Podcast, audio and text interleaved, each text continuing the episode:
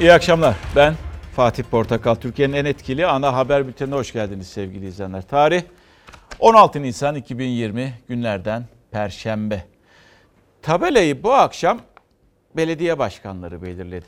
Daha doğrusu Millet İttifakı'nın 11 belediye başkanı bugün ortak bir e, yazılı metni paylaştılar. Ve maddelerden oluşuyordu. İktidara sesleniliyordu. İktidardan bazı talepleri vardı. Onlar içerisinde e, işte sokağa çıkma yasağının uzatılması, sokağa çıkma yasağının karantinanın tam karantinanın uygulanması ve belediyelerin talepleri yönünde bazı istekleri vardı. Çağrıda bulunuyorlardı. Öyle diyorlardı. Tabelada çağrım var. Aslında birçok kez biz de böyle deriz. Ya bir çağrım var sana veya sizlere bir çağrım var. Çok kullandığımız bir, e, çok demeyeyim ama zaman zaman e, kullandığımız bir ifadedir çağrım var. Bu akşam tabelamız çağrım var. Tabii e, Amerika'ya gideceğiz birazdan. Amerika'da Dilge Timoçin karşımızda olacak. Çünkü Amerika'da işler çığırından çıkıyor gibi görünüyor. Hele bugün bazı sayılar geldi. İnanılmaz derecede insanı ürkütüyor. Ve e, acaba Amerikalılar ne yapıyor? Dilge ne yapıyor? Kendini nasıl koruyor? İnsanlar nasıl koruyor? Bunun sonrası nereye gidiyor? Bunları bir konuşacağız. Korona tabii e, ülkemize yansımalarında bakacağız. Ama en önce biliyorsunuz uzunca bir süredir gerek e, Suriye'de gerek e, Irak'ta, Irak'ın kuzeyinde ve gerekse ülkemizin içerisinde teröristlerle mücadele ediliyor. İşte o teröristlerle mücadelenin bulun olduğu yerlerden biri de Kuzey Irak tarafı, Hakurk tarafı. Orada teröristler e, önceden yola döşedikleri EYP, el yapımı patlayıcıyı patlattılar ve bir bir asker şehit düştü. Muhammed Fatih Durhan, piyade uzman çavuştu kendisi, şehit düştü. Manisa'da vatan toprağına emanet edildi. Hutbede, minberde, kürsüde hep şehitlik mertebesini anlattık. Sizlere sabrı cemile öğretmeye çalıştık, anlatmaya çalıştık. Ama gelin görün ki bugün artık sıra bende. Cenaze namazına gelenlere metanetle seslendi. Acısını yüreğine gömdü. Hakurk şehidinin cenaze namazını imam olan babası kıldırdı. Esselamu Aleyküm ve Rahmetullah. Mehmetçik, Irak'ın kuzeyindeki Hakurk bölgesinde operasyondaydı. PKK'lı teröristlerin tuzakladığı el yapımı patlayıcı infilak etti. Patlamada deniz piyade uzman çavuş Muhammed Fatih Durhan şehit oldu. Şehit asker için ilk tören Hakkari Dağ ve Komando Tugay Komutanlığı'nda düzenlendi. Törene katılanlar maske taktı. Sosyal mesafe kuralına uyarak memleketi Manisa'ya uğurladı şehidi. Şehit uzman çavuş Muhammed Fatih Durhan 27 yaşındaydı. Bekardı. İmam olan baba Halil Duran kıldırdı şehit oğlunun cenaze namazını. Namaz sırasında yine sosyal mesafe gözetildi. Şehit Soma'da vatan toprağına emanet edildi. Bu imtihanı Cenab-ı Allah bizlere kazanmayı nasip etsin.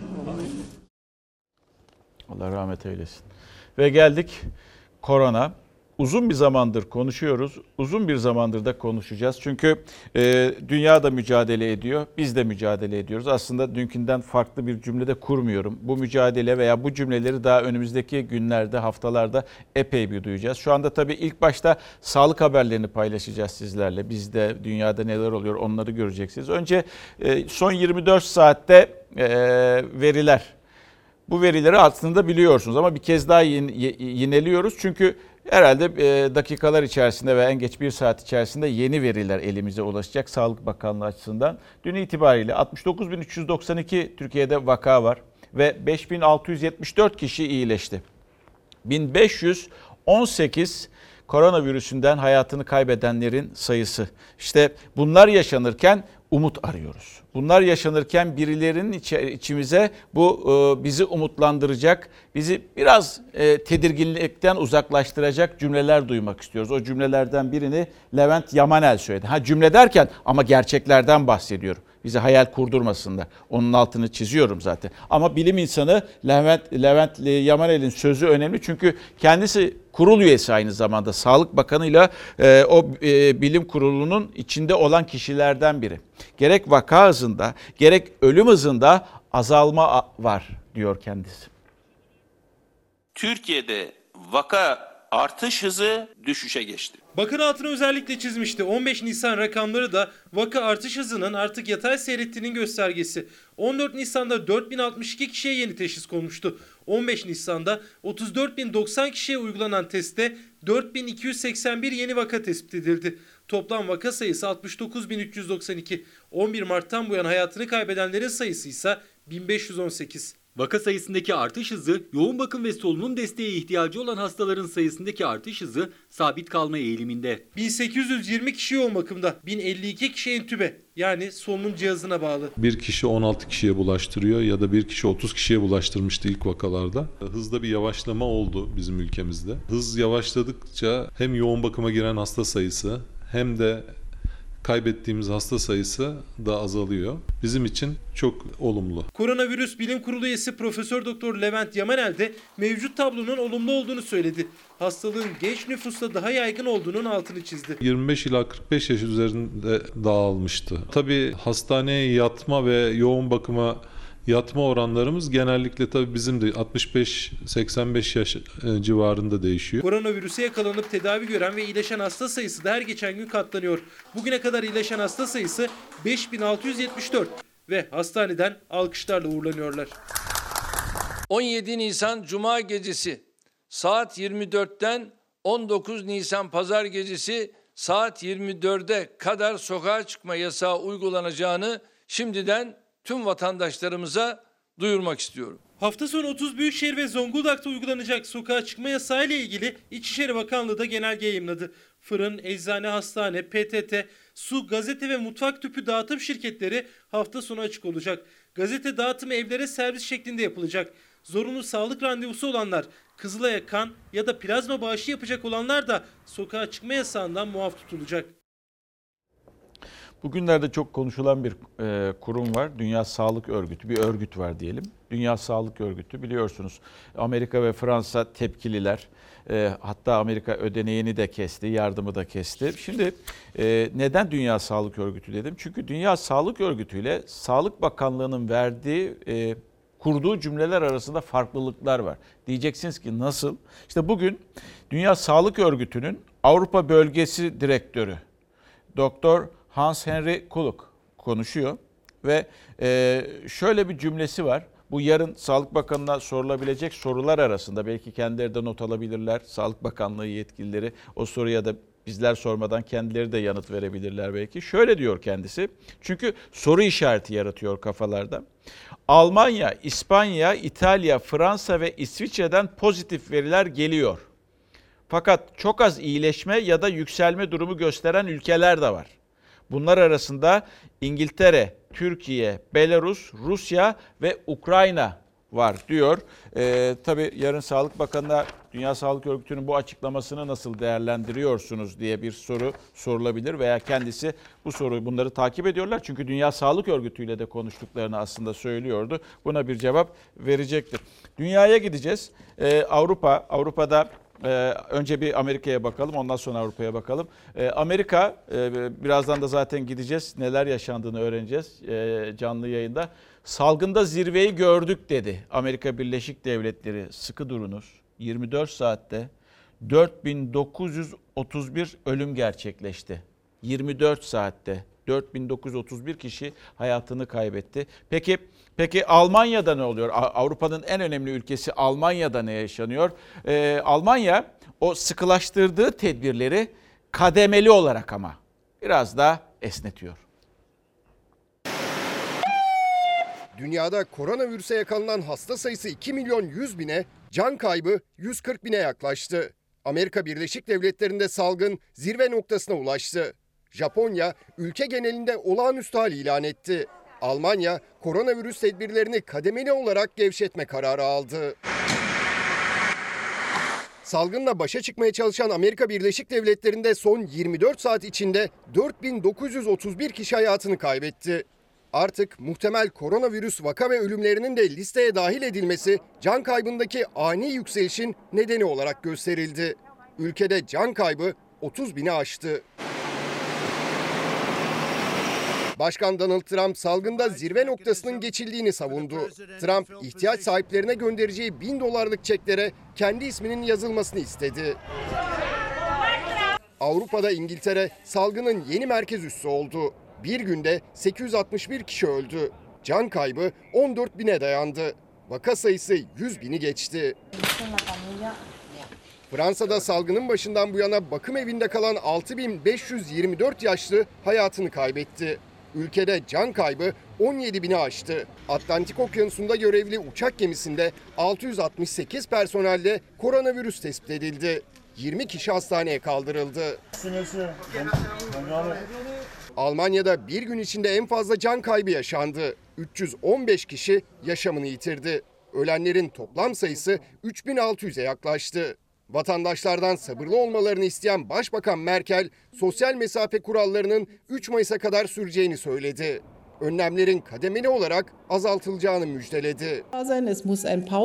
20 Nisan'da mağazalar, 4 Mayıs'ta da okullar ve berberler kademeli olarak açılacak. Rusya'da kötüye gidişat hızlandı. Bir gün içinde 3448 yeni vaka tespit edildi.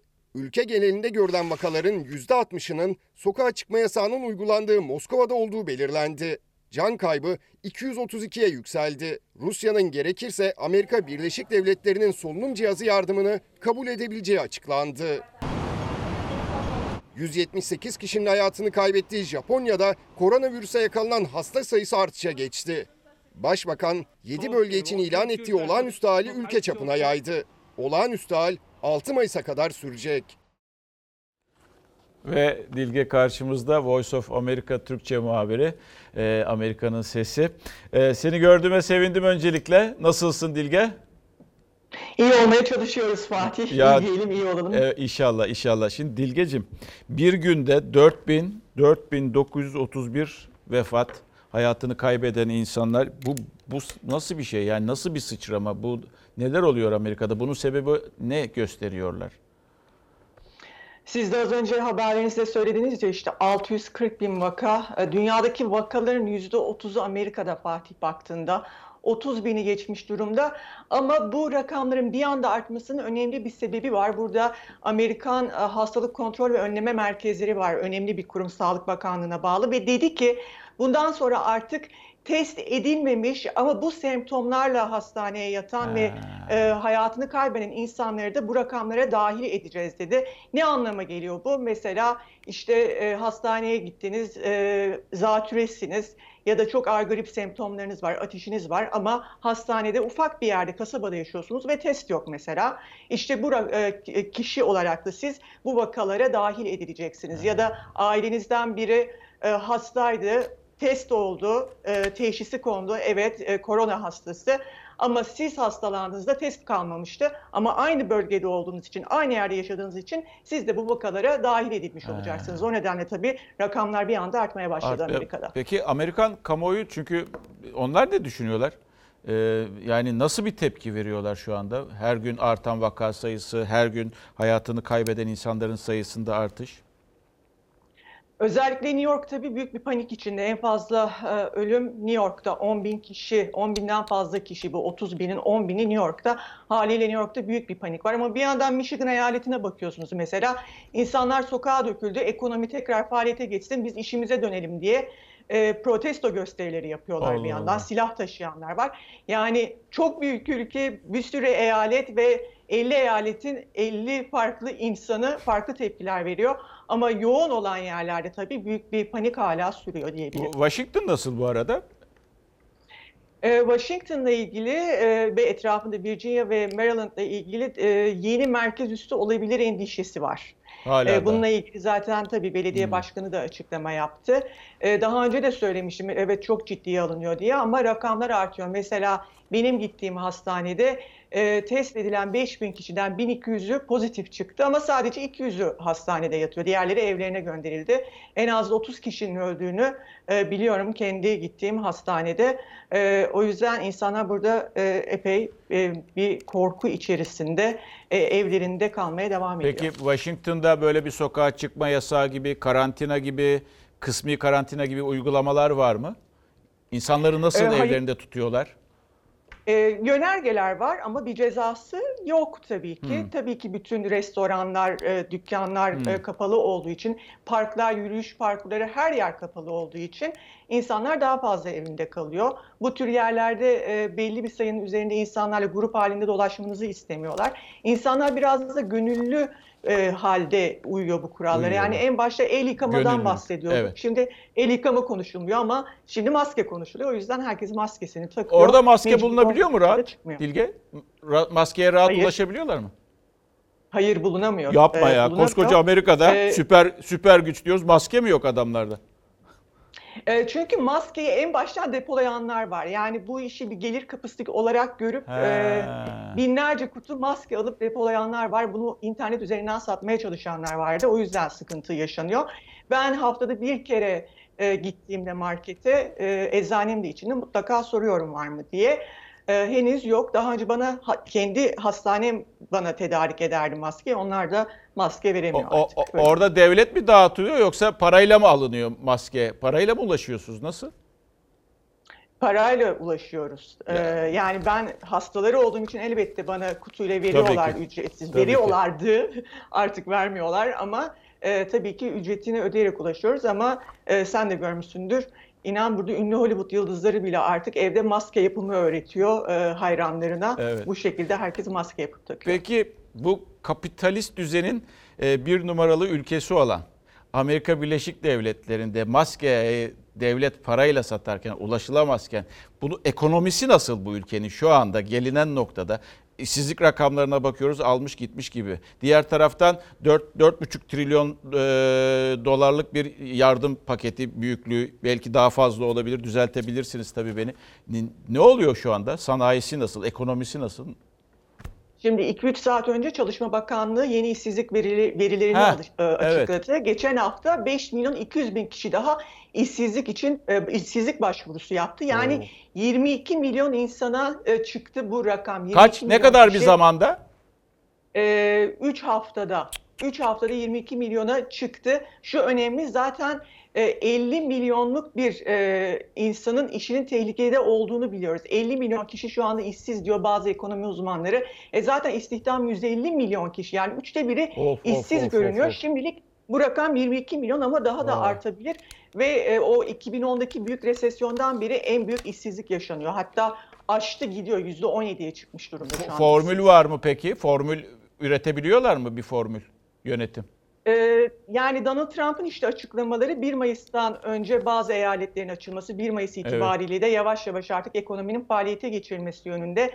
E, tabii e, sağlık uzmanları bunun çok gerçekçi olmadığını söylüyor, bunu savunanlar var. İkinci bir dalga, üçüncü bir dalga salgına neden olabilir eğer ekonomiyi erken harekete geçirirseniz şeklinde uyarılar var. O yüzden yeni yardım paketleri elbette e, kongrede görüşülüyor. Daha önceki yayınımızda bahsetmiştim ya işte insanların evlerine çek gönderecekler, Evet, hesaplarına para koyacaklar. Onun başladığını söyleyebilirim. Başlamış. Etrafımızda birkaç kişiden de duydum. Evet, benim de tanıdığım insanlar var. Onlara da gel.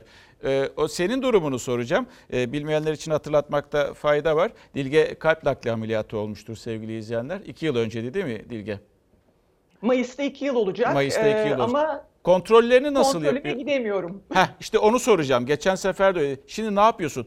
Eve mi geliyorlar veya nasıl bir kontrol e, yapıyorlar, uyguluyorlar sana? E, Mayıs'ta e, ikinci yıl kontrolüm benim bir e, kalp biyopsisini gerektiriyordu. Bunu yapamayacaklar. Aradılar bir, bir üç ay ertelediler ama e, bir kan testi var burada. Yine e, kalbin vücutla uyumunu kontrol eden. Hı. Onun için bu hafta bir hemşire göndereceklerini söylediler. Aradılar zaten. Hı. Gelecekler, kanımı alacaklar. Onun dışında bir telepatik konferans yöntemiyle e, doktorumla görüşeceğim. Ama esas önemli olan biyopsi 3 ay ertelenmiş durumda. Tabii bana yapılan uyarılar var. İşte her gün ateşini ölçüyorlar. Ateşimi ölçüyorum termometreyle. Her gün e, tansiyonuma bakıyorum. Kendi kontrollerimi de yapıyorum evde. Peki çok geçmiş olsun. Çok teşekkür ediyoruz. Seninle konuşmak yine çok keyifliydi. Öpüyorum. Kendine iyi bak. Şimdi geldik Amerika'yı bu şekilde bıraktık. Bakın orada çok enteresan bilgi. 3 hafta içinde 3 hafta içinde 22 milyon işsiz var Amerika Birleşik Devletleri'nde. Zaten diyor ki Dilge 150 milyon istihdamı var zaten diyor. Ve bu işsiz kalabileceklerinin sayısının 50 milyona ulaşabileceği Amerika Birleşik Devletleri'nde eee, şu anda durumun ne olduğunu, ekonomik olarak da durumun ne olduğunu görüyorsunuz. Ve geldik belediyelere bakalım. Dedik belediyelerden çağrı var. Hangi belediyelerden diyecek olursanız Millet İttifakı'nın belediyelerinden. Çünkü onlar geçmişte çok değil bundan 3 hafta önce bir bağış kampanyası başlatmışlardı. Ama daha sonra İçişleri Bakanlığı'nın genelgesiyle bağış kampanyası durduruldu. Ee, bankadaki hesaplar donduruldu. Ama onlar ara ara da olsa zaman ara ara demeyeyim. Onlar formül bulmaya çalışıyorlar bir şekilde insanlara ulaşabilmek için. Şimdi yeni bir çağrıları var. İki günlük sokağa çıkma yasağının değil, uzun süreli sokağa çıkma yasağıyla bu önemli ve ciddi bir konudur. Bizlerin ortak görüşü sokağa çıkma yasağı ya da tam tecridi kapanmadır. Daha fazla zaman kaybetmeden bu uygulamanın gereğine tekrar dikkat çekiyoruz. Ekrem İmamoğlu İstanbul için uzun süreli sokağa çıkma yasağı istiyordu. Bu kez o talebin altına Millet İttifakı'na bağlı 11 Büyükşehir Belediye Başkanı imza attı. Büyükşehirlerde uzun süreli sokağa çıkma yasağı istediler. Bu kararla olumlu yönde ciddi yol almış dünya şehir örneklerinde olduğu gibi test sürecinin evde başlatılmasıyla karantina uygulamasının takibinin dağılım hızını yavaşlatmakta etkili olacağı görüşündeyiz. Artık zaman kaybetme lüksümüz kalmamıştır. CHP'li 11 Büyükşehir Belediye Başkanı doğru zamanda doğru adımların atılması adına diyerek 6 maddelik ortak bir açıklama yaptı. Salgını yavaşlatmada en etkili yolun sokağa çıkma yasağı olduğunu belirttiler. Yerel yönetimlerin acil ihtiyaç duyduğu ekonomik önlemlere dikkat çektiler. Banka ve sözleşmelerden kaynaklı kredi borçları özel ve tüzel kişilerle kamu kuruluşlarına olan borçlarının 2020 yılı için ertelenmesi gereklidir. Belediyelerin genel bütçe paylarının ve borçlanma limitlerinin artırılması gerekmektedir. Tüm yerel yönetimler bu süreçte çok acil olarak desteklenmelidir. Toplu ulaşımda Nisan, Mayıs ve Haziran ayları için hazine tarafından gelir desteği yapılması hayatidir. Ayrıca toplu taşıma araçlarında kullanılan akaryakıttan rutin taşımacılık faaliyetlerine dönene kadar ÖTV alınmamalıdır. 11 Büyükşehir Belediye Başkanı 3 ay boyunca su faturalarının ertelenecek olmasını hatırlattı ve İller Bankası ya da kamu bankalarının belediyelere faizsiz ve geri ödemesi 6 ay sonra başlayacak kredi vermesini istedi. Satışı yasaklanan ve dağıtımı eczaneler aracılığıyla devam eden koruyucu maske için de önerisi var başkanların. Halka en yoğun ve organik bağı olan kurumlar mahalli idarelerdir. Bu açıdan koruyucu maskelerin nüfusları oranında büyükşehir ve ilçe belediyelerine tesliminin yapılması ve dağıtımının belediyeler eliyle yapılması halkın hizmete erişimini hem hızlandıracak hem de kolaylaştıracaktır. 11 Büyükşehir Belediye Başkanı'nın çağrıları iktidarda nasıl yanıt bulacak? Öneriler, istekler dikkate alınacak mı? Zaman gösterecek. Maske çok konuşulan bir konu. Amerika'da az önce Dilge maskenin bulunamadığını, e, ardından parayla satıldığını e, ve bir şekilde insanların evde kendilerinin maske yapmaya gittiğini söylüyor. Gelen bir mesaj da var burada. Trabzon'dan gelmiş. Orada bir markete gidiyor. İsmini yazmış ama okumayacağım e, o marketin. E, gittik. Malum etrafta maske satışı yok. Evde kendi yaptığımız maskeyle bizi markete almadılar. Kimileri maskelere ulaşabiliyor, kimileri hala ulaşamıyor sevgili izleyenler. Ha, Sağlık Bakanı bu kez teyit etti. 39 milyon kişiye kod gitti dedi. Yani bu ne anlama geliyor? Kod geldiği anda şu telefona siz eczaneye gidebiliyorsunuz. O kodla birlikte size maske verilebiliyor. Ücretsiz olarak veriliyor. Veriliyor ama o da yığılmalara neden oluyor. Söyleyin kodu. 68 Evet. Karadeniz Denizli. TC söyleyin. Normal şartlarda bir eczanemize 20-25 müşteri gelirdi. Dün 150'yi aştı. Ve normal müşterilerimize hizmet veremedik. Perşembe günü itibariyle 39 bin kişiye gönderilmiş olacak. Dolayısıyla pardon 39 milyon e, kişiye gönderilmiş olacak. Öyle de oldu. Ücretsiz maske için Sağlık Bakanlığı'nın kısa mesajıyla daha fazla kişiye kotulaştı. Ancak eczanelerdeki yoğunluk da bir haftaya 5 maskenin nasıl yeteceği endişesi de arttı. Yoğunluğun yeni bir düzenlemeye gidilmediği sürece her hafta haftanın her günü devam etmesi bekleniyor. Kodu söyler misiniz orada? Biliyor musun? Yok gözlerim vallahi şeker olmuş pek okuyamıyorum. Şöyle Şuraya koyun. Biz de tedirginiz şu anda. Kimin ne geldiği belli değil. Mesela bugün iki tane hasta geldi. Normal hasta değil, Covid'li hasta geldi. Maskeyi almaya geldim. Var mıydı maskeniz elinizde?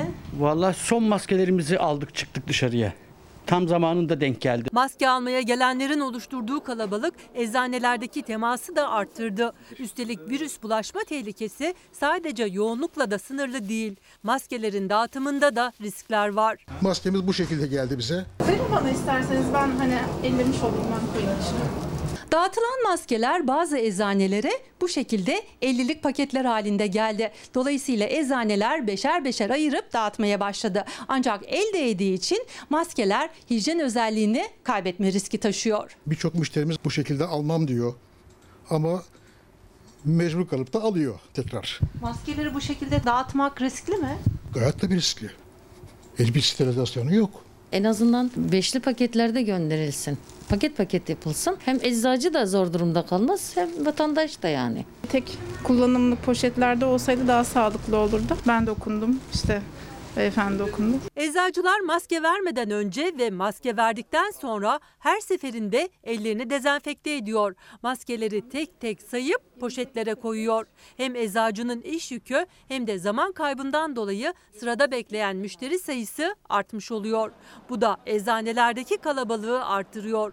İlaç almaya gelen hastalarsa mağduriyet yaşıyor. En azından hepimiz taşın altına elimizi koyalım. Saat 10 ile 12-13 arası sırf maske işini yap- yapalım. Ondan sonra da kendi içimize bakalım. Ya da kim dağıtabilir, destek olabilir? Bana belediyeler mesela onların daha olanakları var. Biz zorlanıyoruz. Eczanelerimizdeki bu yoğunluk maalesef riski artırıyor. Tüm Eczacı İşverenler Sendikası'na göre bir başka risk de Türkiye'de yaşayan ancak yabancı uyruklu oldukları için kod gönderilemeyenler. Maskeleri e, temin edeme- edememesi sayıları düşünüldüğü zaman ülkemizdeki bu ülke vatandaşlarının ciddi bir e, bence sorun. Özellikle eczanelerde maskede ulaşamayan kişilerin ücretiyle maske alınmasının, uygulamasının özellikle bu vatandaşlar için sağlanmasını talep ediyoruz. Maske yok.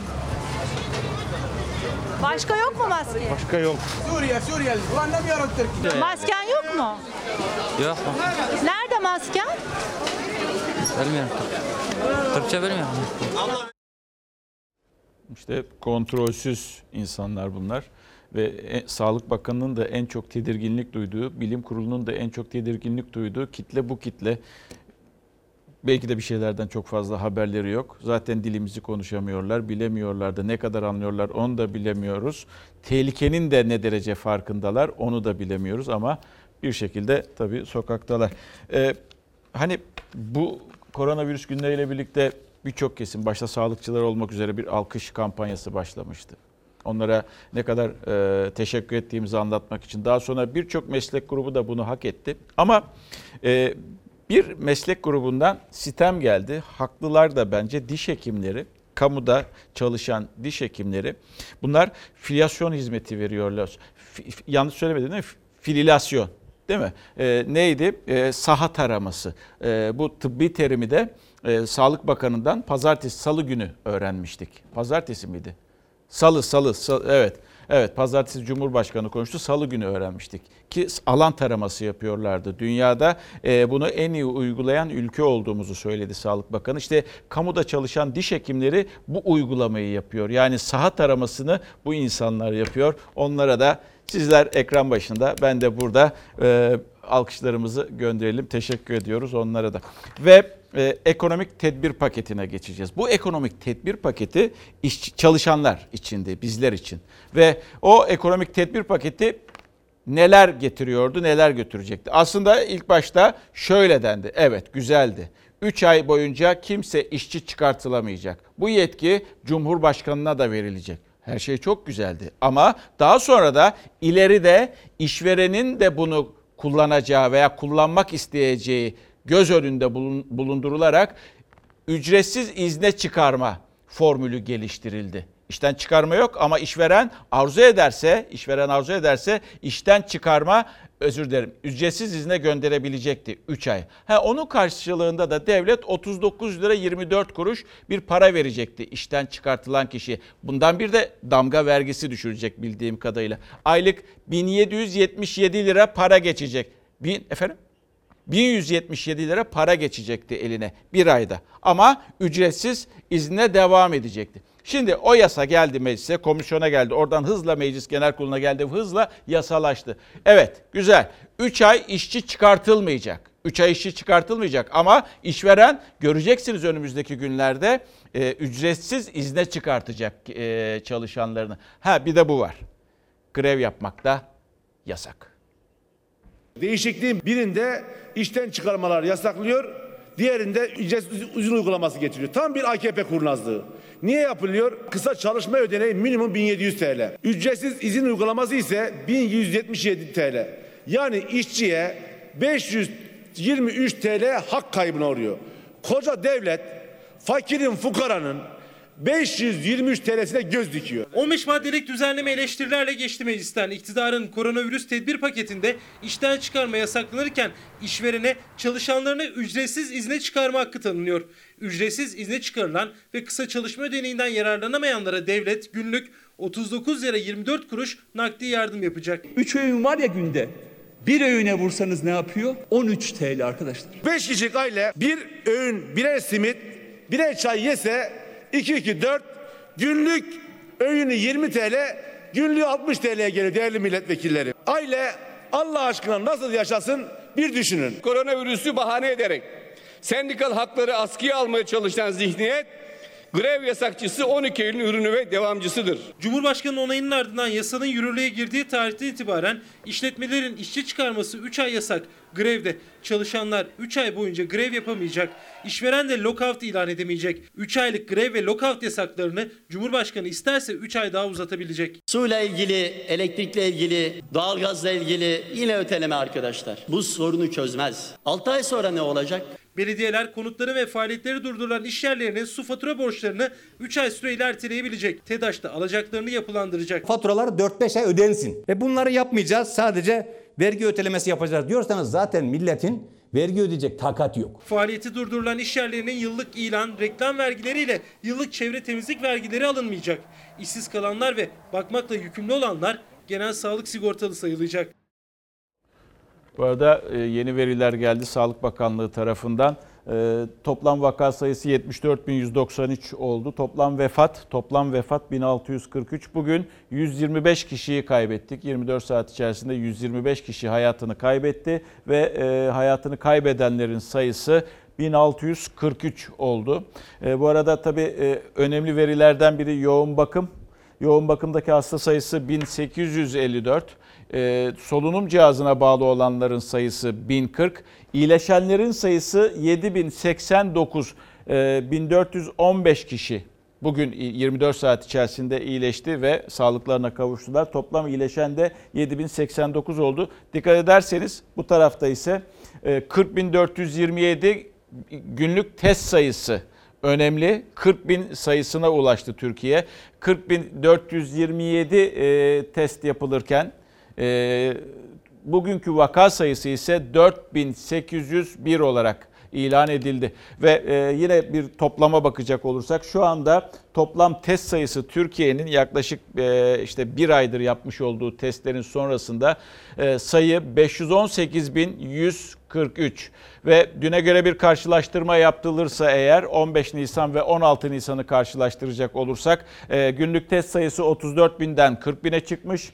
E, tabii test sayısı arttığı için vaka sayısı da artıyor. E, 4281 iken dün e, 40 binlik e, teste göre de 4801 vaka sayısı var. Hayatını kaybedenler 115'ti dün itibariyle bugün 125'e yükseldi. 10 kişi daha fazla. E, 1800 1518'de hayatını kaybedenler bugün 1643 oldu. Bizi hep umutlandıran özellikle baktığımız verilerden biri de iyileşenlerin sayısı. O da 5674'ten 89'a yükseldi. Sağlık Bakanlığı az önce bu verileri açıkladı ve e, kamuoyuyla da paylaştı. Burada e, vaka sayısı, e, test sayısına, günlük test sayısına dikkat ediyorsunuz. O 40 bine ulaştı. E, bundan bir hafta 10 gün önce de bu sayının önce 20 binlere ulaşacağını, daha sonra 30 binleri aşacağını söylüyordu Sağlık Bakanı. Bu da e, bugün yapılan veriler, bugün açıklanan veriler. Şimdi az önce az önce e, dedim ya işte 3 ay işten çıkartılmayacak. İşçi evet güzel ama işverene de öyle bir aktarıldı ki zaten e, ücretli izne çıkartacak e, bir şekilde. Onu da zaten devlet üstlenecek. 1177 lira verecek. Ha, 11 lira damga pulu düşecek. Damga vergisi düşecek. İşçinin, e, çalışanın eline daha doğrusu ücretsiz izne çıkartılan kişinin eline 1166 lira para geçecek. Onunla yaşamaya çalışacak. 1166 lirayla hayatta durmaya, e, ayakta durmaya devam edecek. Yani mesela düşünün İstanbul gibi yerde 1166 lira elinize para geçecek. Ailede başka da kimse çalışmıyor. E ne olacak bu para? Zaten asgari ücret denilen bir şey var. Asgari ücret 2324 lira. Onun altında olmaması gerekiyor ama maalesef oluyor sevgili izleyenler. Ha, şimdi e, bu 3 ay da 6 aya kadar da uzatılabilecek. He, bakın neler yaşanıyor, neler yaşanıyor. Tam bu yasa dün mecliste konuşulurken onun öncesinde, onun öncesinde bir haber geldi. Nereden geldi diyeceksiniz. Ee, Cengiz İnşaat'ı biliyorsunuz. Onun demiryolu iş, e, demiryolu bölümünde çalışan, inşaatında çalışan işçiler işten çıkartıldılar sevgili izleyenler. Tamam yasa Meclis Genel Kurulu'nda. Meclis Genel görüşülüyor. Sanki e, e, derler ya Alestya'da bekliyor diye. Eşik'te bekliyor. Cengiz İnşaat'ta e, Mardin, Mazıdağ, Diyarbakır, Mardin, Mazıdağ demiryolu hattında çalışan yüze yakın işçi akşam çıkışı veriliyor ve gece yarısı şantiyeden atılıyorlar. Tam bu yasa görüşülürken Türkiye Büyük Millet Meclisi'nde zaten biliyorsunuz Cengiz İnşaat'ın başındaki olan veya o şirketin sahibi Mehmet Cengiz'i de geçmişte bizlere yaptığı o küfürle de aslında çok anılan, binilen bir insandı ve işçi kıymına da bu şekilde imza atmış oldular. Şimdi geldik dedik ya ücretsiz izne çıkartılacaklar. Yani ne yapacak? İşten çıkarma yok, yasak 3 ay boyunca onu uzatabiliyorsunuz. Cumhurbaşkanı kararıyla 6 aya kadar da uzatabiliyorsunuz. Eyvallah. Ama şuna bakacağız. Yani ücretsiz izne çıkardığınızda bir kişi ne kazanç elde edecek ne kazanç elde edemeyecek. Yani ne getiriyor bu uygulama ne götürüyor. İster kısa çalışma ödeneği olsun, isterse de zorunlu ücretsiz izinde çalışanlara ödenecek ücret olsun. Bu paralar işverenlerin cebinden çıkmayacak, işsizlik sigortası fonundan karşılanacağı söylenildi. İşten çıkarmalar 3 aylığına yasaklandı. İşverene çalışanlarını ücretsiz izne gönderme yolu açıldı. Şartlara uyan işçiler kısa çalışma ödeneğinden yararlanacak. Uymayanlara ise devlet ücretsiz izinde oldukları her ay 1177 lira ödeyecek. Her iki seçenekte de patronun cebinden tek kuruş çıkmayacak. Çalışan içinse durum farklı. İçişleri Bakanlığı genelgesiyle birçok iş yeri zorunlu olarak iş yerlerini kapattılar. E, genelgesiz olarak da birçok işletme yine iş yerini kapattı. Koronavirüs sonrası birçok iş yerinde manzara aynı kapılar kapalı kepenkleri inmiş durumda. Oysa her birinde çalışan onlarca insan vardı. Onlar şimdi evlerinde önlerinde iki yol var. Biri kısa çalışma ödeneği, diğeri de ücretsiz izne çıktıklarında alacakları günlük para. Ama ikisi de normalde aldıkları maaşların çok altında. Kısa çalışma ödeneği faaliyetini azaltan ya da bir süreliğine durduran işletmelere veriliyor. Çalışan ücretsiz izne göre nispeten daha yüksek maaş alabiliyor ama şartları ağır. Kısa çalışma ödeneği en az 1598 lirayla en fazla 4380 lira arasında olurken kısa çalışma ödeneğinde de bazı şartlar ve koşullar ortaya konuldu. Neydi bu şartlar? Son 3 yılda en az 450 günün olması gerekiyor. Son 60 gündür bir işverene bağlı olarak çalışması gerekiyor. Eğer prim günü eksikse ya da son 2 ayda bir gün bile başka bir iş yerinde çalıştıysa işçi devletin kısa çalışma ödeneğinden faydalanamıyor. Bu kez ücretsiz izin devreye giriyor. İşten çıkarmaları da engelleyecek 3 ay boyunca zorunlu ücretsiz izine çıkan çalışanlara günlük 39.24 lira yani aylık 1177 lira vereceği, verileceği belirtildi. Kirası faturası bir yana her öğün için yalnızca 13 lirası olacak işçinin. Yani ücretsiz izne gönderilen en düşük kısa çalışma ödeneğinden de az para alacak. Düşünün net 5000 lira eline para geçen ve bir firmada çalışan iki kişi bir tanesi kısa çalışma ödeneğini hak ediyorsa o kişi 3 ay boyunca 4187 lira alacak. E kısa çalışma ödeneğini hak etmeyen 5000 lirayla çalışan birisi bu sefer ücretsiz izinde sabit 1177 lira gibi bir para almış olacak. Oysa her iki işçinin de aylık ödemesi mevcut aldıkları maaşa göreydi. Hesaplar şaşacak. Bir de üzerine ileride işsiz kalırsa bu ödenen para alacağı işsizlik maaşından kesilecek. İşçinin kendi parasıdır. Yani işçi bu süreç salgın bittikten sonra işsiz kalırsa işsizlik maaşı hak etme durumunda bu sefer de örnek 10 ay işsizlik maaşı alacaksa 3 ay kısa çalışma ödeneği ya da ücretsiz izin parası aldıysa bu süreler işsizlik maaşından da düşülecek. Bu konuda da yetki Sayın Cumhurbaşkanı'nda isterse bu paralar bir yardımdır işsizlik maaşından düşülmesin diyebilir. Düzenleme meclisten geçti sıra Cumhurbaşkanı Erdoğan'ın onayında. Bakın bu uygulama gelecekte sıkıntı yaratacaktır. Yaratma ihtimali çok yüksek. Şimdi beyefendiyi dinlediniz uzmanı. Diğeri 5000, ikisi de 5000 alıyor ama kısa çalışma ödeneğinde aldığı para ücretsiz izne çıktığı zaman aldığı para bu şekilde. Düşünsenize siz 5000 liraya göre bir yaşam 5000 lira kazanıyorsunuz. Ona göre bir harcamanız var. Planını ona göre yapmışsınız. Şimdi işveren diyecek ki Fatih sen seni ücretsiz izne çıkartıyorum. Devlet sana 1177 lira para verecek. Ama ben 5000 lira üzerinden harcamalarımı planlamışım. Benim elime geçen para o. Şimdi ne yapacak o adam? Ne elek, elek kira var. Hadi kirasının olduğunu düşünün. Elektrik, su, doğalgaz. Ee, hadi yaz geldiği için doğalgazı unutun. Kredi kartı vesaire. Bunların altından nasıl kalkacak bu insan? Yani sıkıntılara neden olabilecek bir maddeden bahsediyoruz. Göreceğiz önümüzdeki günlerde.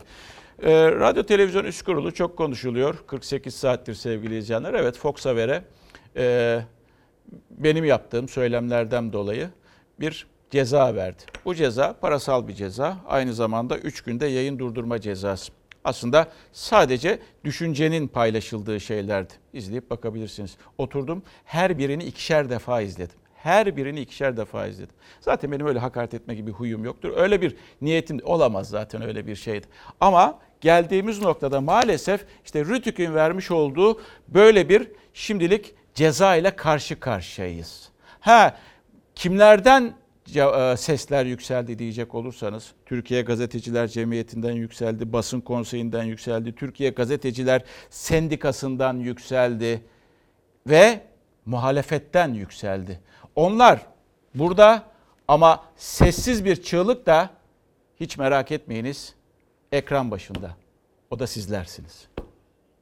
Türkiye'nin en etkili ana haber bültenine hoş geldiniz sevgili izleyenler. Devlet basın ve haber alma hürriyetlerini sağlayacak tedbirleri alır. Anayasanın bu hükmüne rağmen tam aksine tedbirleri alıyor. Birkaç özgür medya kurumundan birisidir Fox TV. Fox TV'ye verilen bu cezayı şiddetle kınıyorum. Esefle kınıyorum. Sayın Doğan Şentürk'ün şahsında Fox Medya çalışanlarına geçmiş olsun diliyorum. Bugünler geçecek. Ülkemiz demokratik bir ülke. Özellikle basın özgürlüğü, fikir özgürlüğü demokratik ülkelerin vazgeçilmez prensipleri. Türkiye'nin en çok izlenen ve en etkili haber bülteni Fox Haber'e verilen 3 kez yayın durdurma ve para cezası ile ilgili muhalefet liderleri de sivil toplum kuruluşları da ortak ses yükseltti. Halkın haber alma özgürlüğünün altını çizdiler. Fox TV'ye ölçüsüz cezalar veriliyor. Haksız cezalar veriliyor. Sanıyor ki ben bu cezaları verirsem bunları sustururum. Türkiye'ye kaybettirir bu. Türk demokrasisine kaybettirir. Türk demokrasisi kaybedince Türkiye'nin uluslararası itibarına ziyan ettirir. Cezalar ölçüsüz, haksız ve orantısızdır. Vatandaşların haber alma hakkı engellenmiştir. Gazetecilik, kamu yararı amacıyla yapılan bir meslek değildir. Gazetecilerin görevi iktidarları memnun etmek değildir. İktidar erkinin eleştirilmesi, yayın durdurma ve para cezası gerekçesi olmamalıdır. Özgür medyanın varlığı vatandaşın haber alma hakkını yerine getirir. Ben Fatih Portakal, Türkiye'nin en etkili ana haber bültenine hoş geldiniz. Doğan Şentürk yönetimindeki Fox Haber, Türkiye'nin bağımsız ana haber bülteni. Fatih Portakal'ın 30, 31 Mart ve 1 Nisan 2007 tarihlerindeki koronavirüs gündemiyle ilgili yaptığı yorumlar nedeniyle Radyo Televizyon Üst Kurulu Fox Haber'e en üst sınırdan para cezası ile birlikte 3 kez de yayın durdurma cezası verdi. Sorgulamayı, eleştirmeyi, farklı görüşlere yer vermeyi düşmanlık olarak görmek baskıcı yönetimlerin refleksidir. Özgür medyanın varlığı bir ülkenin demokrasinin teminatıdır. Adaletin, hukukun, hakkın, özgürlüğün olup olmadığının teminatıdır. Fatih Portakal'ın söylediklerinin nesi yanlış? Belediyelerimizin halkımızın ihtiyacı için başlattıkları kampanyalar engellenmedi mi? Eskişehir'in, odun pazarının, fakirin, fukaranın karnını doyuran aşevleri kapatılmadı mı? Diyanet hiç olmadığı kadar siyasallaşmadı mı? Fox TV gibi halkın gerçekleri öğrenme hakkına hizmeti nedeniyle basın konseyinin geçen yılki basın özgürlüğü ödülüne layık görülen en fazla izlenen televizyon kanalına verilen hukuksuz kararın aslında iktidar partilerine oy verenler dahil toplumun büyük kesimini oluşturan izleyicisinin de cezalandırılmasıdır. Fox TV Türkiye'de geniş bir kitle tarafından izlenen çok farklı fikirleri, düşünceleri kendi ekranına taşıyan bir yayın organı. Basın Konseyi, Türkiye Gazeteciler Cemiyeti, Türkiye Gazeteciler Sendikası gibi İyi Parti lideri Meral Akşener, Saadet Partisi lideri Temel Karamollaoğlu ve CHP lideri Kılıçdaroğlu da sosyal medya hesaplarından Fox ana habere verilen 3 kez yayın durdurma cezasına tepki gösterdi. Anayasanın 28. maddesi diyor ki basın hürdür, sansür edilemez. Halkın haber alma hürriyetini savunan gazetecileri asla susturamayacaksınız. Merak etmeyin haber vermeye kaldığımız yerden devam edeceğiz. Reklama gidiyoruz. Geleceğiz. Saat 8'den sonra tekrar haberlerle devam edeceğiz. Tekrar iyi akşamlar. Haberlere kaldığımız yerden devam ediyoruz. Geçmiş olsun diyenler çok fazla verilen cezadan dolayı. Bir mesaj var orada. Şöyle bir soru. Zorlanıyor musunuz haber sunarken demiş samimiyetle bir şey paylaşayım mı? Zorlanıyorum. Yani dünden beri zorlanıyorum. Çünkü bakıyorum, izliyorum, iki kere izledim. Neler şey yapmışlar diye, nerelerden e, cezayı vermişler diye baktım. Ve kendim için değil, bakın. Çünkü bir şirketin sorumluluğunu üstünüzde taşıyorsunuz. Ve sizin söyleyeceğiniz bir söz burada çalışan insanlar için olumsuzluk teşkil edebilecek. Beni üzen bu. Ve o yüzden bir vicdan sorgulaması içerisindeyim. O yüzden yani hangi kelimeyi kullanacağım, hangi kelimeyi kullanmayacağım noktasında gidip geliyorum sizlerle karşılıklı konuşurken. Ama atlatacağım bunu tabii ki. Yani neticede bu psikolojik baskıyı da üstümden atlatacağım. Neler gördük bunu da atlatacağız. Ama böyle bir durumu yaşadığımı da lütfen bilmenizi istiyorum. Geldik. Tabloyu verelim. Ee, ne oluyor o tablo? Ee, bir bakalım. 16 Nisan'da sayısal veriler neyi gösteriyor? Bir kere en yüksek test sayısı uygulandı 40.427 ile onu söyleyeyim. Ve en yüksek test sayısına göre günlük test sayısına göre vaka artışı yavaşladı. 4801 civarında.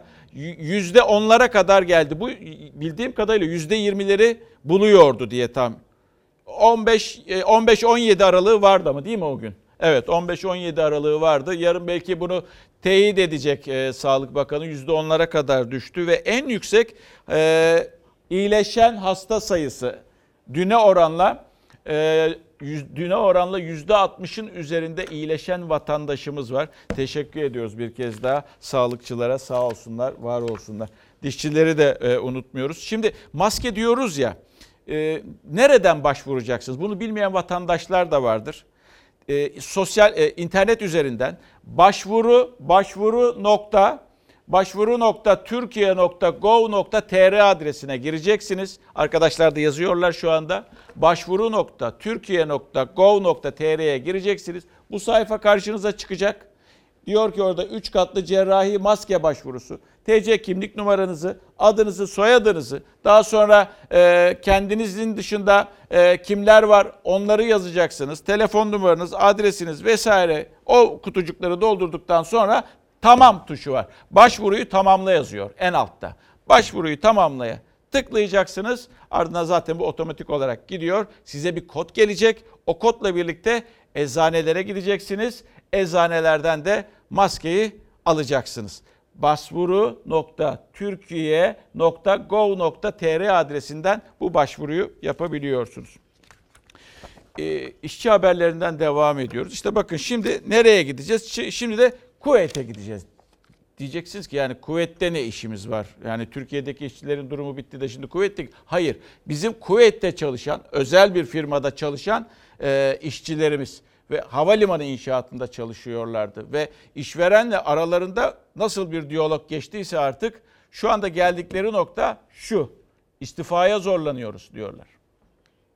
Direnimiz devam ediyor arkadaşlar. Salgını fırsata çevirip emeğimizi gasp etmeye çalışıyorlar. Türkiye'den Kuveyt'e çalışmaya giden inşaat işçilerine virüs salgını nedeniyle Türkiye'ye geri gönderilecekleri söylendi. İddiaya göre istifaya zorlandılar, haklarını alamadılar. Haklarımız hiçbir şekilde verilmedi. Şu an hala siz istifa ettiniz diyorlar. imzaladınız diyorlar.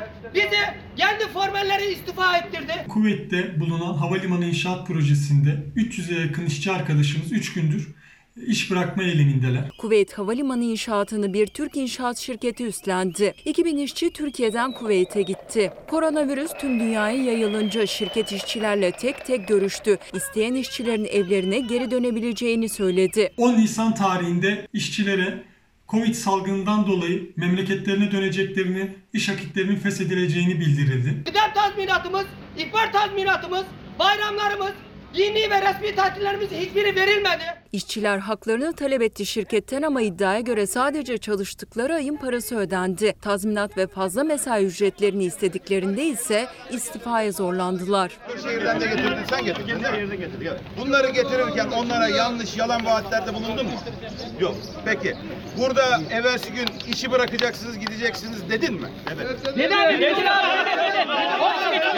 Yüzlerce işçi şirketin Kuveyt'teki merkezinin önünde eyleme başladı. İnşaat firmasındansa Türkiye'ye gönderilenlere haklarının verildiği açıklaması geldi. Kuveyt kanunları çerçevesinde Türkiye'ye dönmek istediklerini belirtmiş olan 504 Türk işçisinin iş akitleri doğrultusunda tüm alacakları kendilerine ödenmiştir. Dışarıdan karantina bölgesindeki 1300 işçiyi kampımıza getirdiler.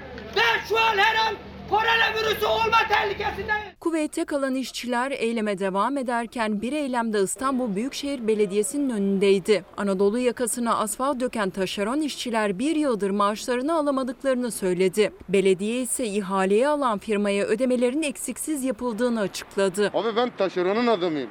6 aydır 7 aydır ben kiramı ödemiyorum. 11 senedir biz ödeme alamıyoruz hiçbir şekilde. Ve e, bu yeni yasayla birlikte biliyorsunuz ücretsiz izne çıkarma hakkı e, işverene e, verildi. Ama önümüzdeki günlerde bunun sıkıntısı yaşanacak sevgili izleyenler. Çünkü bakınız gelen mesajlar belli zaten. Onlardan bir tanesi diyor ki şurada var.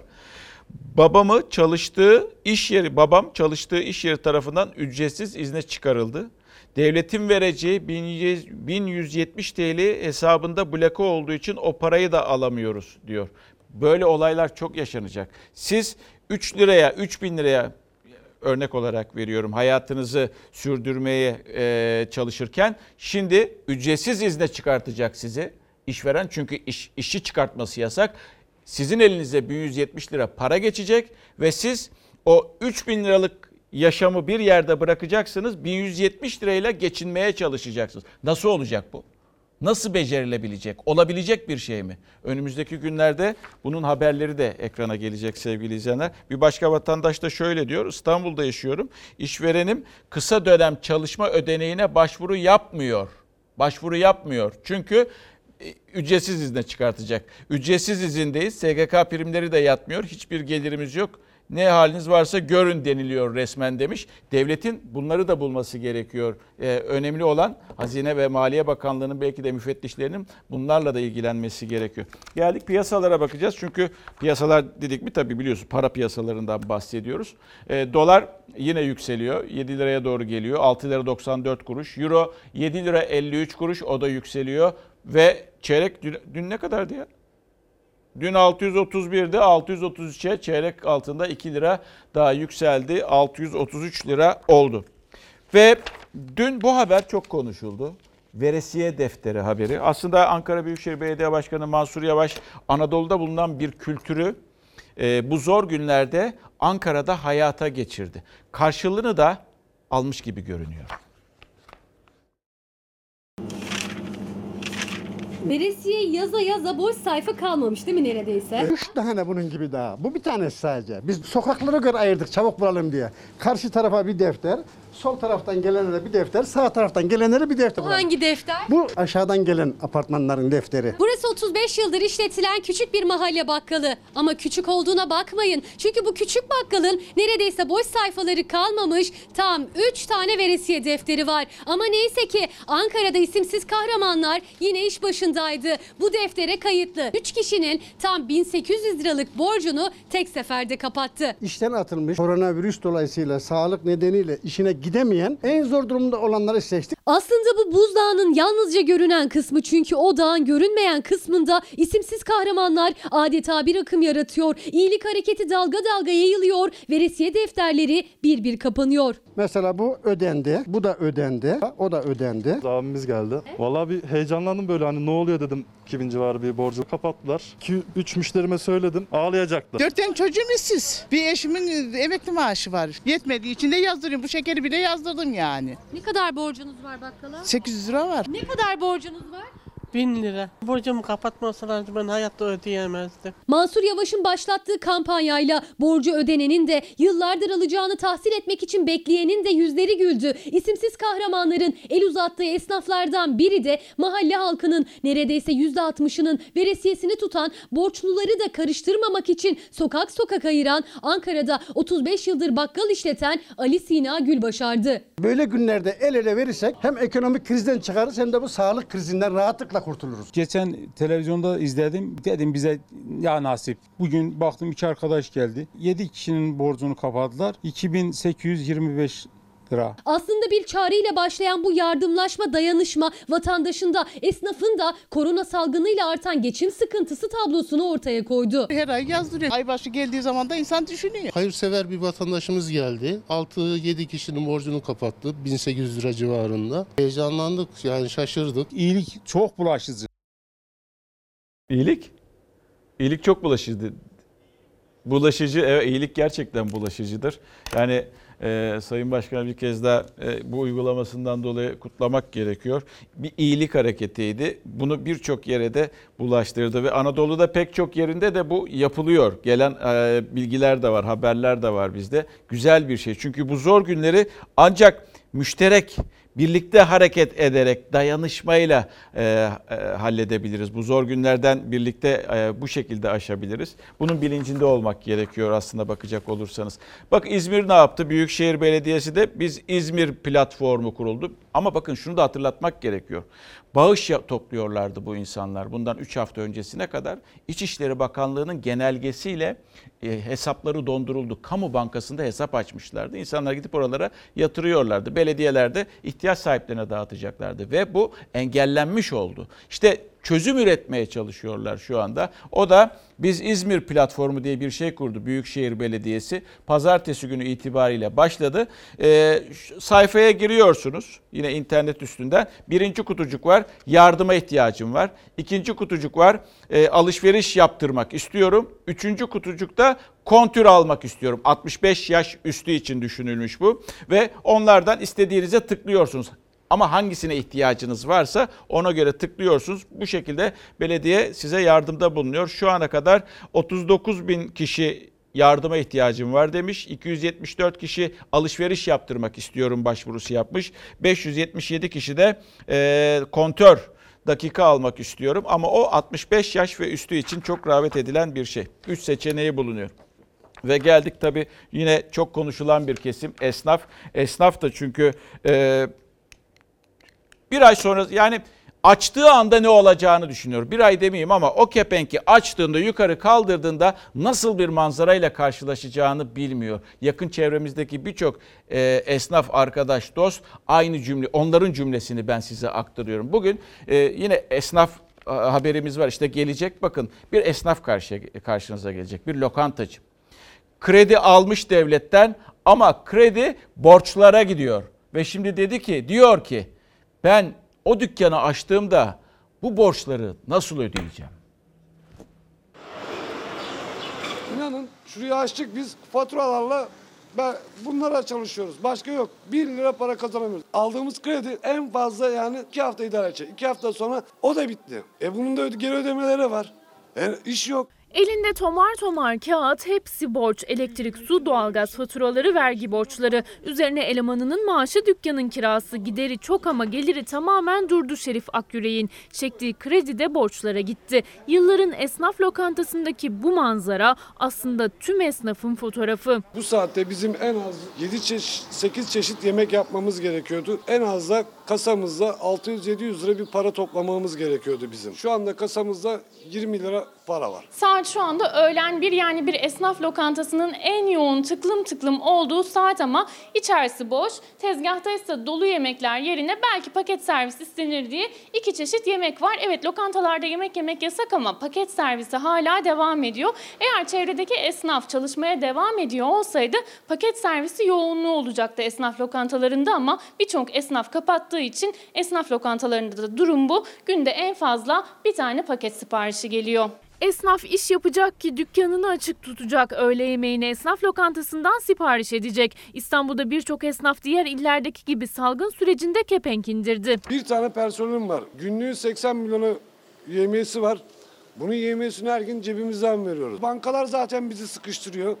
Taksitlerimiz var. Dükkan kira. 4,5 milyar dükkana para veriyoruz kira. Evimiz zaten kira. Burada oturuyorduk. Burada kiralar pahalı diye evimizi buradan taşıdık. Şerif Akyürek de Bakırköy'de 2000 lira kira ödediği evinden çıkıp şehir merkezinin çok uzağına Kayabaşı'na taşındı 600 liraya ama bu kez ulaşım sorunu başladı. Toplu taşımada zaten yol cihazı olduğu için orası biraz kırsal olduğu için gitmiyor. Meydanla indiriyor. Evimize gitmek istesek gidemiyoruz. E, kendi doğduğumuz bir semtimizde yaşayamıyoruz. Kiralar pahalı. Duramıyoruz. Maskesiz diyorsunuz. Bakın bak maske yok. Ben başvurmuşum maskem gelmiyor. E ne yapacağım ben? Bir tane maske var. Personel takıyor onu. Ancak yine de evdeki iki çocuğu için lokantasını açmak zorunda. Biri 4, biri 2, 2 yaşında. E bu çocuklar zaten evde hapis oldu. Çocuklar internet istiyorlar. E, telefonumuzdaki interneti veriyoruz yetmiyor. Bana mesaj atıyor. Aşımı geçtiniz faturanız yüzün üzerine gelecek. Var internetlerden bir kolay salim var. Çocuklar ona onlardan biraz faydalansın. O da yok. Salgın günlerini atlatabilmek için bankanın kapısını çaldı Şerif Akgürek. Kredi borcunu 3 ay ötelemek için 2000 liradan fazla faiz istedi banka. Vazgeçti faizli esnaf destek kredisine başvurdu. O kredi nefes aldırmaya yetmedi. Vergi dairesine gittim. 945 milyon lira vergi borcumu ödedim. Doğalgaza vermişiz burada 580 milyon. Suya vermişiz 222 milyon. Elektriğe vermişiz 766 milyon. 24 lira 35 kuruş para verdiler. 60 bin liraya da senet yaptılar. 25 bin lira 85 kuruş para geri ödeyeceğim. 6 aylık olarak aldım. 5058 lira geri ödemeli aldım ben bu. Ben 6 ay sonra bu 5058'i nasıl ödeyeceğim? Esnafın en büyük yükü ise işi devam etse de etmese de gelmeye devam eden faturalar. O faturalarla baş etmek için kendi yöntemlerini bulmaya çalışıyor esnaf da. İşte normalde çalışması gereken içecek dolabının dahi fişi çekilmiş durumda. Sıkıştık vatandaş olarak çok zordayız. Dayanabileceğimiz güç bir ay. Bir buçuk ay. Bir buçuk ay sonra gideceğiz. Arkamızda aldığımız borçlar. Bu borçlar artık bize evimizde var bir televizyonumuz, bir çekyatımız. Onlara aciz gelirse onları alacaklar. Bakın bu haberler Türkiye'de yaşanıyor, yaşanmakta ve bu insanların biz sesini duyuruyoruz. Duyurmak zorundayız zaten. Yaptığımız işte bu.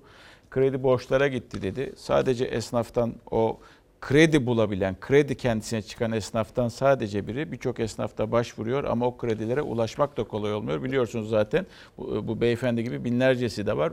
Bu alabilen de var, alamayan da var. Özel bankalar dün e, Hazine Bakanı'nın hedefindeydi. E, süslü reklamları bırakın vatandaşın ihtiyacınızı ihtiyacını görün diyordu. Şimdi gelecek nasıl olacak? Yani önümüzdeki gelecek derken 10 yıldan bahsetmiyorum. Önümüzdeki bir 6 aydan yıl sonuna kadarki gelecek nasıl olacak? Abdurrahman Yıldırım dün bunu çok güzel özetlemiş. Oradan bir bölüm aldım. Lütfen bunları okuyorum. Aklınızda bulunsun, aklımızda bulun- bulunsun diye okuyorum. Şöyle diyor yazar. Bizim gibi gelişmekte olan ekonomiler ise bu süreçten en olumsuz etkilenecek ülkeler gibi görünüyor. Paraları güçlü değil. Banknot matbaasını tam olarak çalıştıramıyorlar. Dolayısıyla kendi paraları üzerinden sınırlı kaynak yaratabiliyorlar. Mecburen borçlanacaklar. Bu ülkenin döviz kaynakları da giderek azalıyor. Çünkü virüsle birlikte sermaye akımları tersine döndü. Dış sermaye girişleri ise destek alan gelişen ekonomiler bundan mahrum kaldılar. Yani Türkiye önümüzdeki günlerde dış kaynak bulmak zorunda ama o dış kaynağı nereden bulacak? Bunu sadece Abdurrahman Yıldırım demiyor. Erdal Sağlam dünkü yazısında söylüyordu. Birçok yazar da ekonomist de e, ve gündüz yayına çıkan ekonomistler de Türkiye'nin dış kaynağı ihtiyacının olduğunu dile getiriyorlar. Eğitim bu süreçte tabii ki aileleri etkileyen önemli e, aksama demeyeyim ama yani en azından e, biraz da böyle eve mahkum eden çünkü okullar da açık değil e, böyle bir süreçten geçiyoruz eğitimde de malum anaokul, ilkokul, ortaokul, lise, üniversiteler koronavirüs e, tehdidinden dolayı tatil edildi. Herkes şunu merak ediyordu.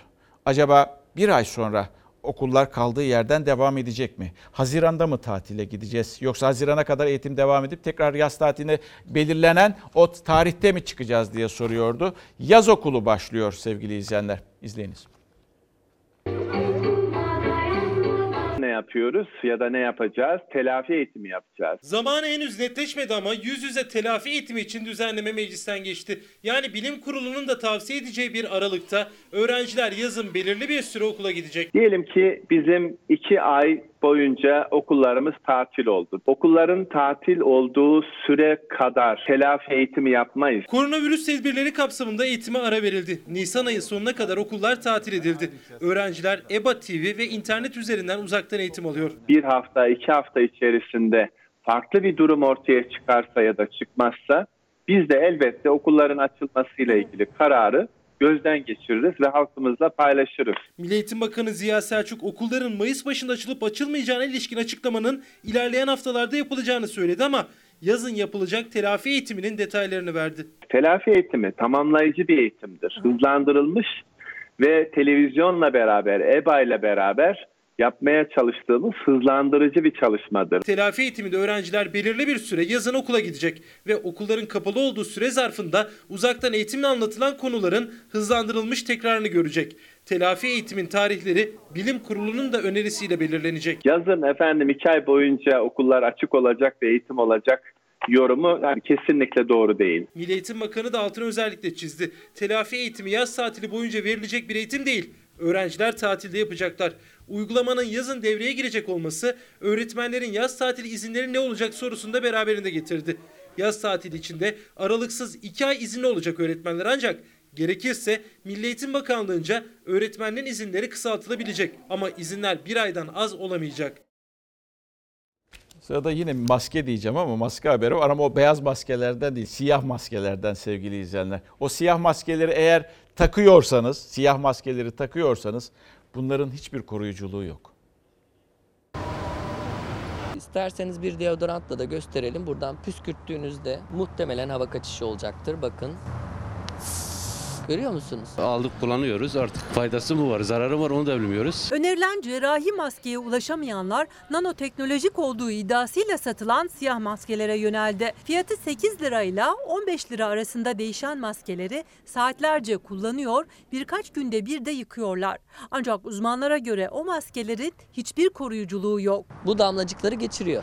Gördüğünüz gibi hiçbir anlamı yok kullanılması açısından. Ben bunu çamaşır ilacıyla kaynatıyorum yüksek derecede. Kurutuyorum, asıyorum, havalandırıp tekrar kullanıyorum. Öyle söylediler bize koruyor dediler biz de bunu aldık. Cerrahi maskelerin üzerindeki bu tel burnu tamamen kaplıyor, çeneyi de kapatıyor. Dolayısıyla hava girişi olmuyor. Ancak siyah maskelerde bu özellik yok. Bu yüzden de yeterince korumadığı söyleniyor. Bunu taktığınızda burnunuzun üzerine oturmayacak.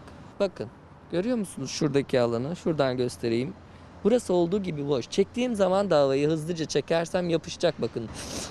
Daha önceden al, eczaneden almaya kalktım 5 lira. Bir yerden aldım 4 lira 5 lira. Her gün bir maske aldığım zaman aya vurduğun zaman nereden baksan 300-400 lira paraya bakar. O yüzden ben de böyle maske aldım. Bunu evde dezenfekte ediyorum, yıkıyorum. Yanımda kolonyam var. Arada bir kolonya sıkıyorum. Ücretsiz maske için hala kod gelmeyenler de var. 5 maskeyle bir haftayı geçiremeyenler de. Pek çok kişi bu siyah maskelere başvuruyor. Ancak Ege Üniversitesi Tıp Fakültesi Enfeksiyon Hastalıkları uzmanı Profesör Doktor Hüsnü Pullukçu siyah maskenin sadece süs olarak kullanılabileceğini söyledi. En koruyucu maskenin satışı yasaklanan çift tipli basit tıbbi maskeler olduğunu söyledi. Pullukçu sadece sağlık çalışanlarına önerilen filtreli N95 tipi maskelerden takanları ise uyardı.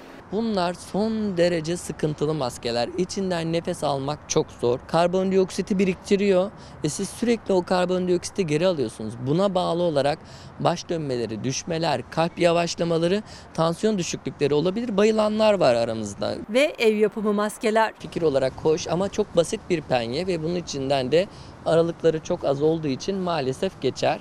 Belki birkaç tane üst üste kullanırsanız bir anlamı olabilir ama çok da bol oturmayacak hiçbir yere. Gördüğünüz gibi her taraf açıkta. Maalesef bunların bir anlamı yok. Bunun yerine valla iki kat tülbent sarıp otursanız daha başarılı olur korumanız. Yine bir esnaftan bir mesaj gelmiş. Şöyle diyor. e, özel bankalardaki kredilerimiz ertelenmiyor. Personelimiz evlerde oturuyor. Yürek burkan bir durum. Çünkü çoğunun çocuğu var. Kısa ödeneğe başvurduk. Haber yok. E, ne zaman e, bildirecekleri de belli değil. Bu da ayrı bir sıkıntı. Ve iyileşenler diyeceğiz. Hani biz sağlıkçıları alkışlıyoruz ya. Onlar da her hastayı taburcu ettiklerinde alkış yapıyorlar.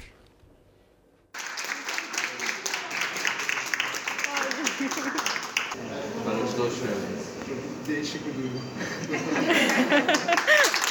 Görev yaptığı hastaneden alkışlarla taburcu oldu. Akademik Solunum Derneği Yönetim Kurulu Başkanı Profesör Doktor Bülent Tutluoğlu koronavirüs tedavisi sonrası hastalığı yendi. Meslektaşları, mesai arkadaşları Tutluoğlu'nu çiçeklerle evine uğurladı. İşin doktor e, kısmındayken hasta kısmında yaşamış olduk. E, tabii çok farklı bir duygu. Hepinize çok teşekkür ediyorum. Sağ olun. Covid-19 testi pozitif çıkan hastalardan peş peşe iyi haberler geldi. Hanife Hanım geçmiş olsun. Sağ olun. Hadi iyileştin artık evine gidebilirsin.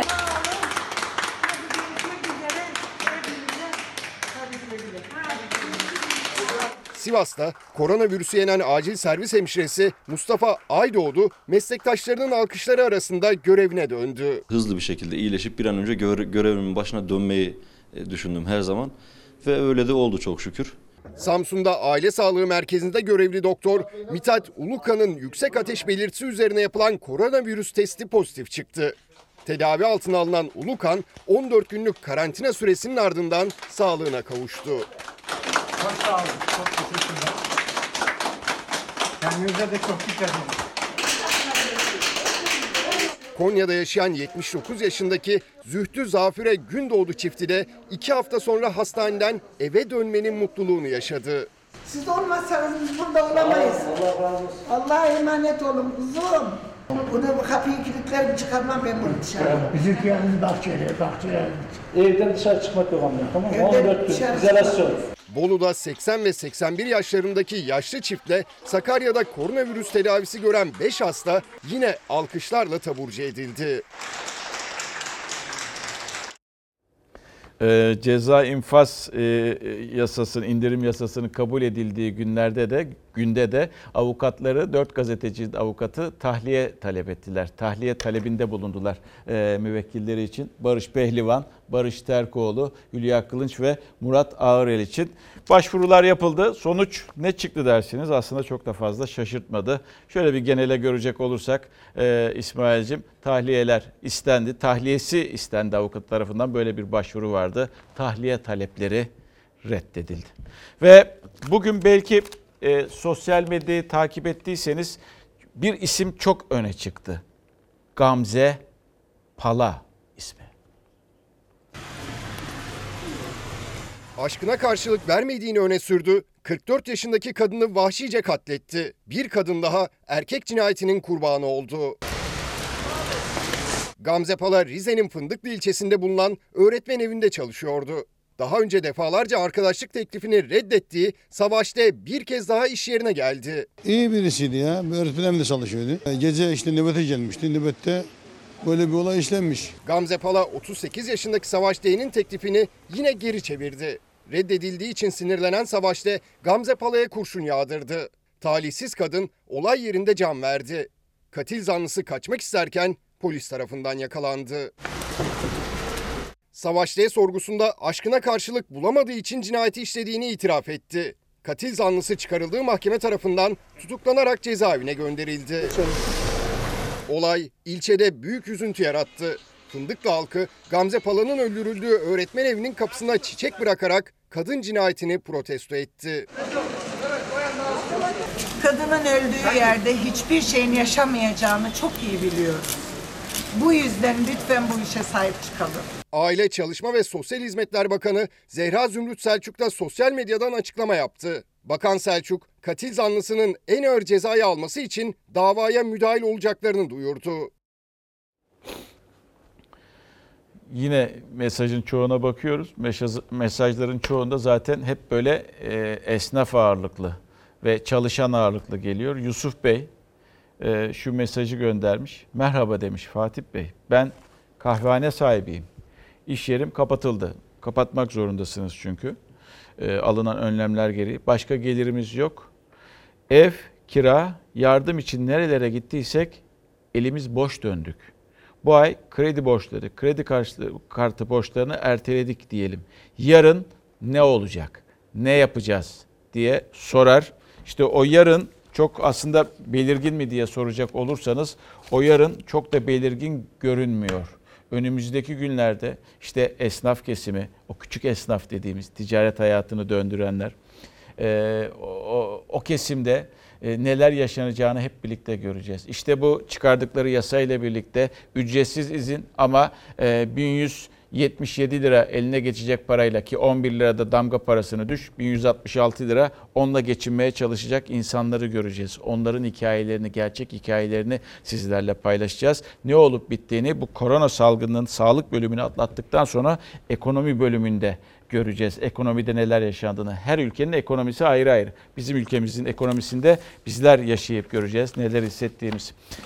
Kapatıyoruz. Bültenin sonuna geldik. Bizden sonra Mucize Doktor var. İzleyebilirsiniz. Yarın daha mutlu, daha huzurlu, daha güvenli bir dünya ve tabii ki Türkiye'de buluşmak umuduyla. Hoşçakalınız.